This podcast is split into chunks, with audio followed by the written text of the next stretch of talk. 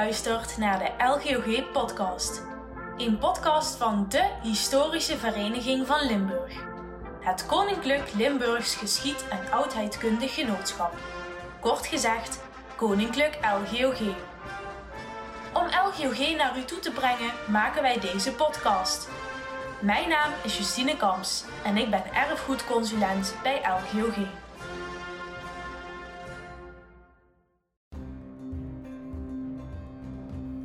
S'nachts, als zij uit stelen gingen, reden zij op bokken. Deze bokken waren geen natuurlijke bokken, maar de duivel in de gestaltenis van één of meer bokken. Deze bokken zouden hen in korte tijd door de lucht van de ene naar de andere plaats kunnen brengen. Zo konden zij op één nacht naar plekken gaan die wel 16 of 20 uur verder lagen, om te stelen en te vergaderen.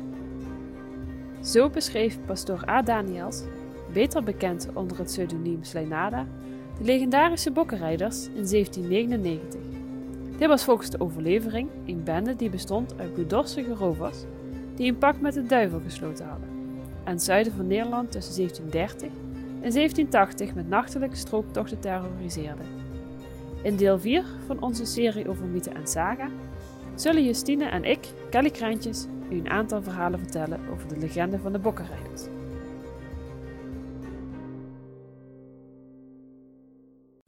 Bokkenrijders waren criminelen die vooral stalen van de mensen om hen heen. Ze schrokken hierbij niet terug voor geweld, bedreigingen en martelingen, en af en toe moord. De volksverhalen over deze bende deden alleen in de 18e eeuw de ronde in de Maasgouwen, het oude hertogdom Limburg, de landen van Overmaas en het graafschap Loon, een gebied in het huidige Zuid-Limburg. Ook in Wallonië, de grensgebieden met Duitsland en de Kempen, maakten bendes de mensen het leven zuur. De eerste bende ontstond in 1730 in Wolfhagen, een klein dorp in de buurt van Schinnen, onder leiding van Keerling Daniels. Schinnen staat bekend als een van de epicentra van de bokkenrijders. Veel inwoners werden in de 18e eeuw beschuldigd omdat men dacht dat zij lid waren van het geheime roversgenootschap. Kasteel Terborg deed destijds dienst als schepenrechtbank en gevangenis. Hier vonden een aantal rechtszaken tegen de vermeende bokkenrijders plaats. Hoewel de roversbenden zich waarschijnlijk niet bokkenrijders noemden, voerden ze wel het wapen van de bok. Dit om een afkeer voor de christelijke en bestuurlijke elite te laten zien. De inwijdingsceremonies waren meestal zwarte missen waarbij God werd afgezworen en een eed op de duivel werd afgelegd. Deze werd vaak georganiseerd in het huis van een van de leiders. Deze eed moest, nadat deze werd afgelegd, worden getekend, waarna de beëdigde zich als een volledig lid mocht beschouwen. Hier volgt een voorbeeld van een dergelijke mis. Hij legde de eed af in het bos achter Wolfhagen. Daar werd een kaars aangestoken die in een dode hand stak. Deze werd op een neusdoek op de grond gezet. Daarnaast stond een doosje met daarin een grote en een kleine geconsacreerde hostie. Hij moest beloven dat hij geen kameraden zou verraden, ongeacht waar hij ook gevangen zou worden genomen of welke martelingen hij zou moeten doorstaan. Hij moest daarna God afzweren en beginnen de duivel te aanbidden. Dit moest hij uitspreken terwijl hij de wijs- en middelvinger en de duim van zijn rechterhand uitstak. Mocht hij ooit worden opgepakt, gemarteld en ter dood veroordeeld, dan moest hij alles weer herroepen. Over de organisatiestructuur van de bokkenrijders is niet veel bekend. De processtukken over veroordeelde bendeleden laten zien dat de groepen meestal geleid werden door generaals, kapiteins, luitenants, sergeanten en korporaals. Dit duidt dus op een soort legerachtige structuur. Volgens wetenschappers bevestigt dit het idee dat de geheime een soort militante groepering was die in opstand kwam tegen de gevestigde orde. Anderen denken dat de organisatie opgebouwd was uit onafhankelijke en regionale cellen, omdat het zo voor de autoritaire moeilijker was om hun te veroordelen. Tijdens de overvallen die door de bendes gepleegd werden, kwamen meestal s'nachts een gewapende groep van 8 tot 10 man het huis binnen, die de bewoners overmeesterden. De mannen kleden zich meestal in het zwart en maakten ook hun gezichten zwart. Dit laatste om de mensen angst aan te jagen en zichzelf onherkenbaar te maken. Anderen bonden gewoon een doek voor hun gezicht. De bendes beroofden het liefst afgelegen boerderijen van rijke families en pastorieën, waar veel te halen viel en waar niemand de bewoners te hulp kon schieten. Een roofoverval in groepsverband leverde vaak het meeste op: geld, kostbaarheden en kleding. Deze spullen werden in pakken gebonden en meegenomen naar het hoofdkwartier, waar ze werden verdeeld. Om de bewoners over te halen tot het weggeven van hun spullen, hadden de rovers verschillende martelmethodes. Zo was er een club rovers die vuur onder de voetzolen van de slachtoffers hield, of een gezicht of schaamstreek verbrandde. Ook werden bewoners vastgebonden en in de kelder gegooid. In het volgende verhaal proberen de bokkenrijders binnen te komen in een klooster. Dit verhaal, de ketting van de bokkenrijders genaamd, is een van de meest bekende volksverhalen over de bokkenrijders in Limburg. Ooit woonden de bokkenrijders in Echt in een oud klooster. De mensen in Echt dachten dat dit klooster ooit bewoond was geweest door de tempeliers. De bokkenrijders zwoeren hun eed in een kapel die vlakbij stond en waar een beeld van Sint Judocus in te vinden was. In de nacht gingen ze op rooftocht. Ooit hadden de bokkenrijders een zeer machtige ketting gevonden. Als ze die om een gebouw heen legden, gingen alle deuren open. Zo kwamen ze overal binnen. Op een dag wilden ze de Mariakerk op de Schilberg binnengaan. Daar stond een beeldje van de maagd Maria, die volgehangen was met giften. Iedereen wist dit, maar niemand durfde de kapel te bewaken. De bokkenrijders konden dus gewoon bij de kerk komen. Maar toen ze de ketting eromheen wilden leggen, gebeurde er iets eigenaardigs. Er kwamen twee schakels tekort. Ze verlengden de ketting en gingen terug. Maar weer lukte het niet. En hoe vaak de bokkenrijders dit ook probeerden, iedere keer was de ketting te kort. Zo bleef de Mariakerk gespaard. In zijn zagenboek schreef Henry Welters dat een gevangen hoofdman ooit de volgende zaken aangaf als manieren om nieuwe leden te werven: de slechte opvoeding van de kinderen, het bij nacht rondlopen langs wegen en straten, drank, ontucht, begeerlijkheid naar rijkdommen, nalatigheid der justitie en verbrokkeling der rechtsgebieden.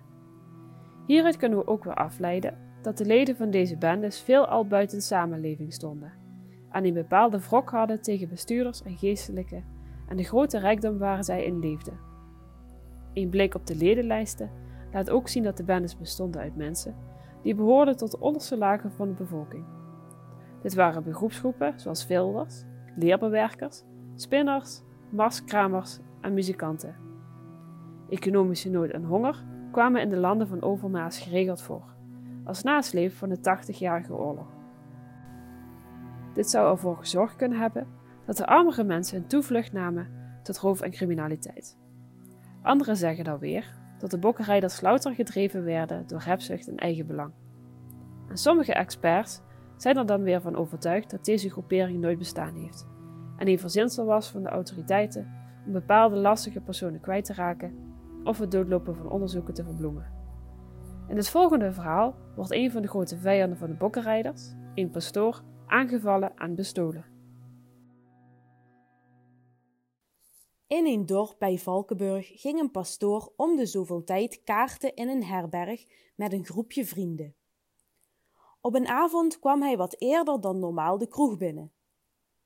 De waard knoopte meteen een gesprek met hem aan. En pastoor, wat is het nieuws vandaag? vroeg hij. Er is goed nieuws, zei de pastoor. Een man die mij zeshonderd florijnen moest brengen, is vandaag zonder aangevallen te zijn bij mij aangekomen. Hij reisde in hetzelfde gebied als de bokkenrijders, maar ze hebben hem met rust gelaten. Dat is maar goed ook, want als het geld was gestolen, zou dat zeer noodlottig zijn geweest voor de kerk en voor de armen. Een andere man in de herberg begon te spreken. Nou, pastoor, dan zal ik, de kapitein van die mannen, u maar om dat geld vragen. De pastoor begon te lachen. Wat een grappenmaker bent u, zei hij. De pastoor was nog niet gestopt met lachen toen de kapitein weer begon met praten. Ik ben serieus, meneer pastoor. Ik wil dat geld hebben. De pastoor bleef maar lachen. Maar toen haalde de kapitein een klein zilveren fluitje uit zijn zak. Hij floot daar drie keer op, en na de derde keer kwamen er opeens tien mannen tevoorschijn. De pastoor hield op met lachen en werd nerveus. Hij gaf het geld maar af, zodat hij zichzelf veilig kon stellen. Gelukkig heeft de pastoor genoeg om zijn geld gelachen, concludeerde de kapitein. Later werd de samenstelling van de bokkenrijders echter breder en traden ook middenstanders en grondbezitters steeds vaker toe tot de bendes. Het volgende verhaal gaat over een schepen die ook bokrijder was, maar die per toeval werd gezien en verraden. Er was eens een schepen die hoofdman was van de bokkenrijders. De man had twee dochters, Mik en Kaat. Zij waren ook onderdeel van de dievenbende van hun vader en beroofden samen met hem de bange burgers. Zo schoot Kaat ooit een vrouw dood tijdens een overval. De meeste mensen in de omgeving wisten niet dat de familie zich inliet met de bokkenrijders. Zo kwam het dat er veel jonge mannen kwamen vragen om de hand van de rijke schependochters. Twee boerenzonen, Piet en Klaas, wilden ook met hen trouwen. Toen Piet en Klaas op een dag terugkwamen van de donderdagse markt, kwamen ze erachter dat ze te laat waren vertrokken en dat het buiten al donker werd. Ze besloten in de schuur van de schepenbokkenrijder te overnachten. Ze kropen in het stro en vielen in slaap. Omstreeks middernacht ging de schuurdeur met veel gepiep open. Ongeveer zestig gewapende mannen kwamen binnen, helemaal gekleed in het zwart. De jongens herkenden de mannen meteen als bokkenrijders. Zo stil mogelijk bleven ze liggen in het stro. En toen riep een van de mannen: Ik ruik mensenvlees. Ze snuffelden rond en schenen met hun lantaarns over het stro. Daar zaten de jongens te bibberen van angst, maar ze werden niet ontdekt. De boeven begonnen in de schuur de buit van de avond uit te pakken. Mick keek naar de schatten en riep uit: Vader, als we zo doorgaan, dan kunnen we onze koeien aan zilveren kettingen vastleggen. Zo kwamen de jonge mannen erachter dat de schepen in bokkenrijder was. Toen de buit verdeeld was, begonnen de mannen te vergaderen, voorzien van een glas jenever door Mick en Kaat. De jongens probeerden zo stil mogelijk uit de schuur weg te kruipen, en gelukkig lukte hen dat. Ze gingen terug naar hun eigen dorp en spraken daar met de schout, ook wel de drossaard genoemd. Ze vertelden hem alles dat ze in de schuur hadden gezien. De schout riep de schepenen bijeen, waaronder ook de bokkenrijderschepen zich bevond. Iedere schepen werd ondervraagd, maar de schout wist natuurlijk al lang wie de schuldige was. De bokkenrijderschepen probeerden hem tijdens zijn ondervraging om te kopen.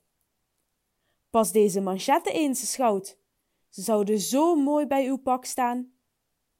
Maar de schout wist precies waar hij mee bezig was, en zo belandden de bokkenrijderschepen op de pijnbank.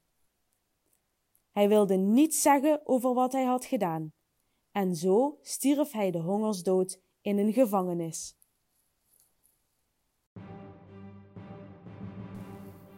De boerengemeenschappen stonden machteloos tegenover dit soort criminaliteit. De verontwaardiging en onrust waren zeer groot. Vanaf 1743 begon daarom de vervolging en heksenjacht op vermeende bokkenrijders. In twee golven, van 1743 tot 1745 en van 1750 tot 1752, maakte Beulen een einde aan de levens van tientallen vermeende bokkenrijders. Dat gebeurde op diverse manieren, zoals radbraken, vierendeling, wurging, onthoofding of verhanging aan de galg. Het volgende voorbeeld van een dergelijk proces vond plaats in 1773 in Heerlen. Een enorme groep mensen werd toen opgepakt. In de nacht van 19 op 20 april 1762 drong een grote groep mensen het panhuis te Wijnandsrade binnen.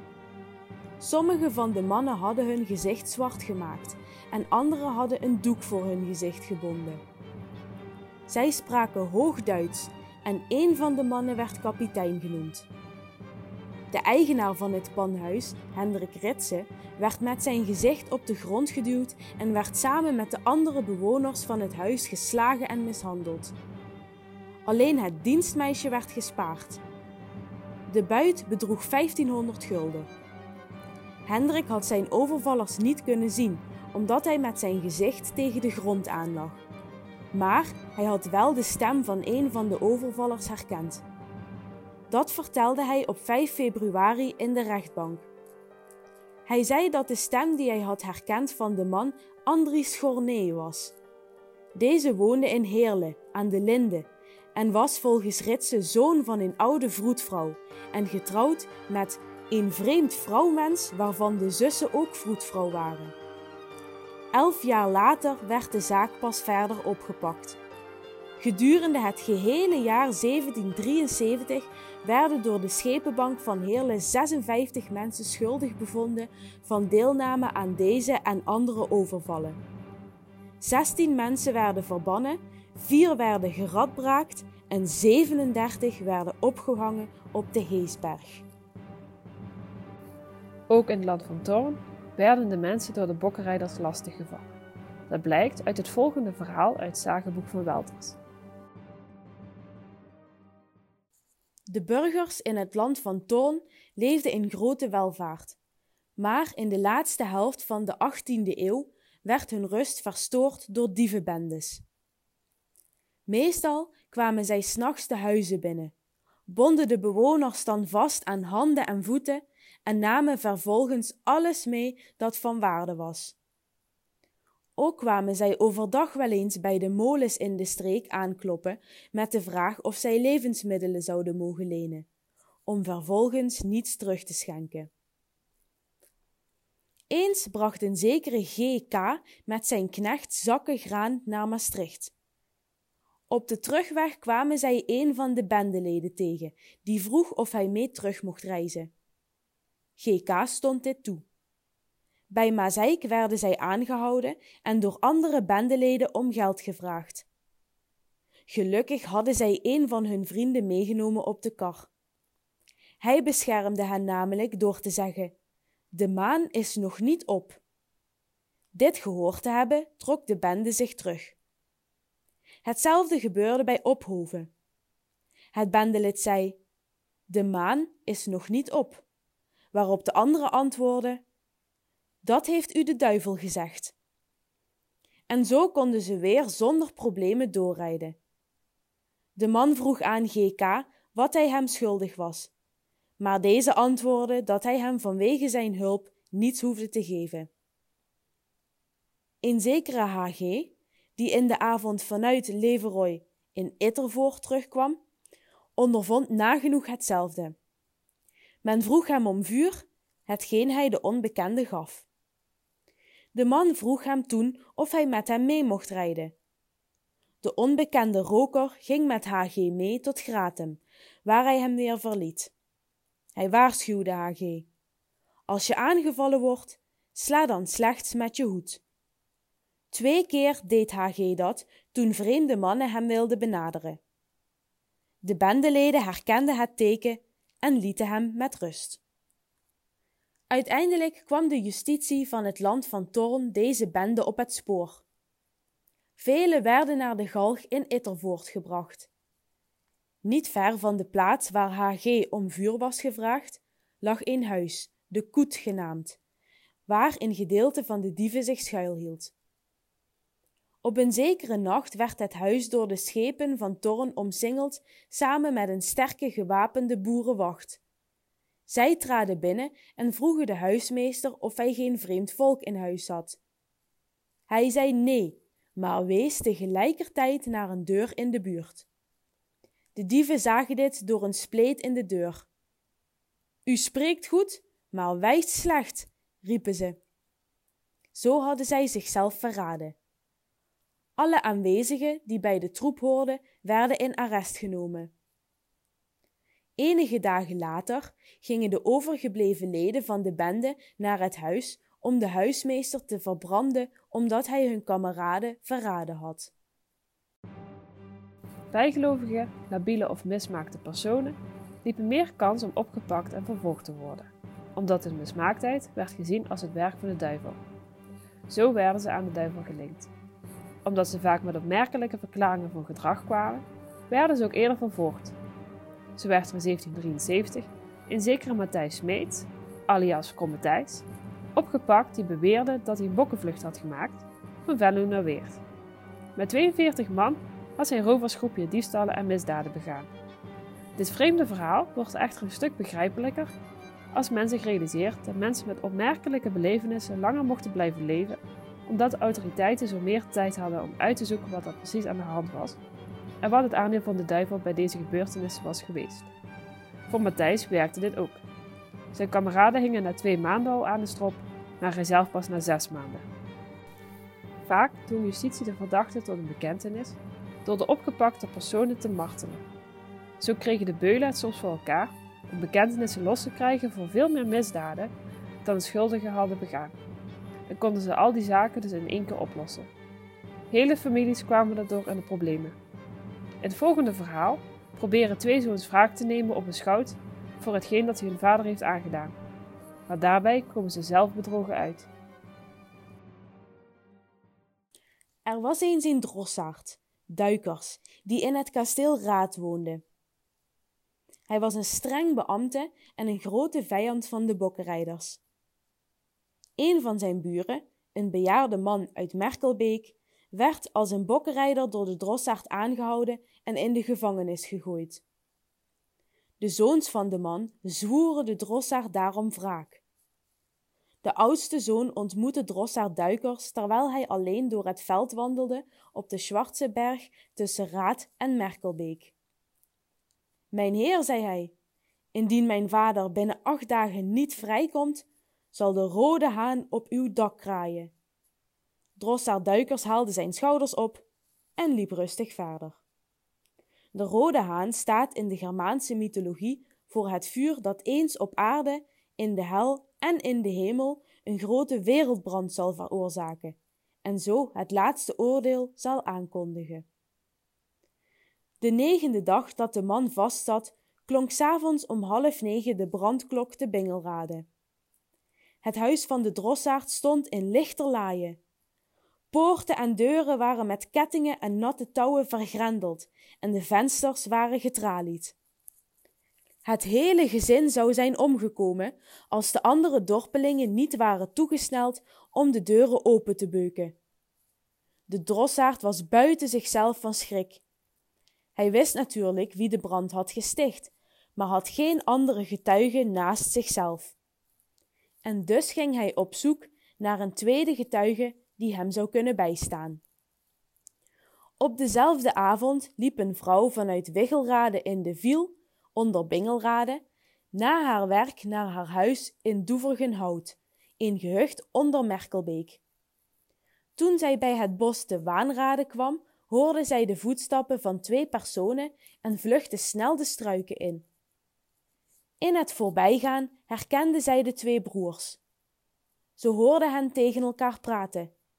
Kijk Jan, zei de ene, de kant waar ik mijn lont had neergelegd, brandt nu veel beter dan jouw kant.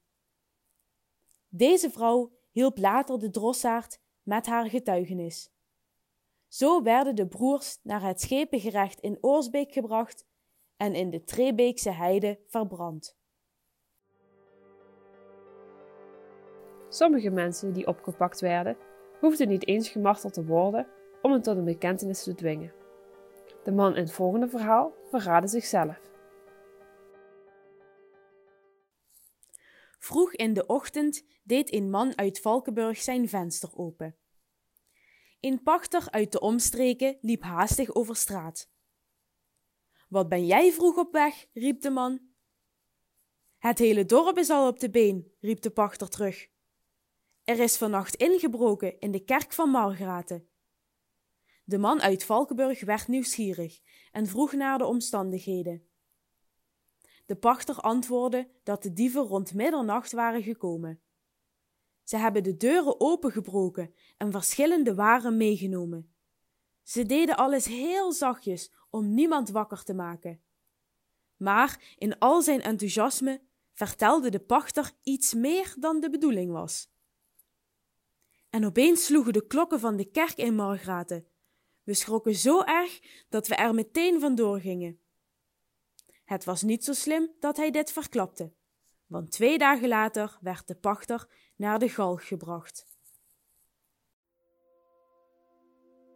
En zo verdwenen de bokkenrijders langzaamaan uit het gezichtsveld van de samenleving. Er is echter nog een verhaal over een herder uit Beegde die zo bang was om bestolen te worden dat hij zijn geld verstopte op een merkwaardige plek. In Beegde woonde een herder die een heleboel franken had gespaard. Hij had deze allemaal verstopt in een oude sok. Hij was heel bang voor de bokkenrijders en besloot daarom de sok te begraven op de heide. Toen iemand hem vroeg waar dan, antwoordde hij: Op de hei, recht tegenover de toren van Beegde. Een paar jaar later had de herder het geld nodig en ging hij weer op zoek naar de sok. Hij groef overal, maar kon de sok niet meer vinden. Dus onthoud: ben je ooit in Beegde? Zoek dan recht tegenover de toren van de kerk als je het geld wil vinden. Bedankt voor het luisteren naar aflevering 8 van de LGOG podcast. Deze aflevering werd ingesproken door Kelly Krijntjes en Justine Kamps. De tekst en productie waren in handen van Justine Kamps. Alle bronnen die gebruikt werden bij het schrijven van deze aflevering en een korte samenvatting kunt u vinden op de website van LGOG.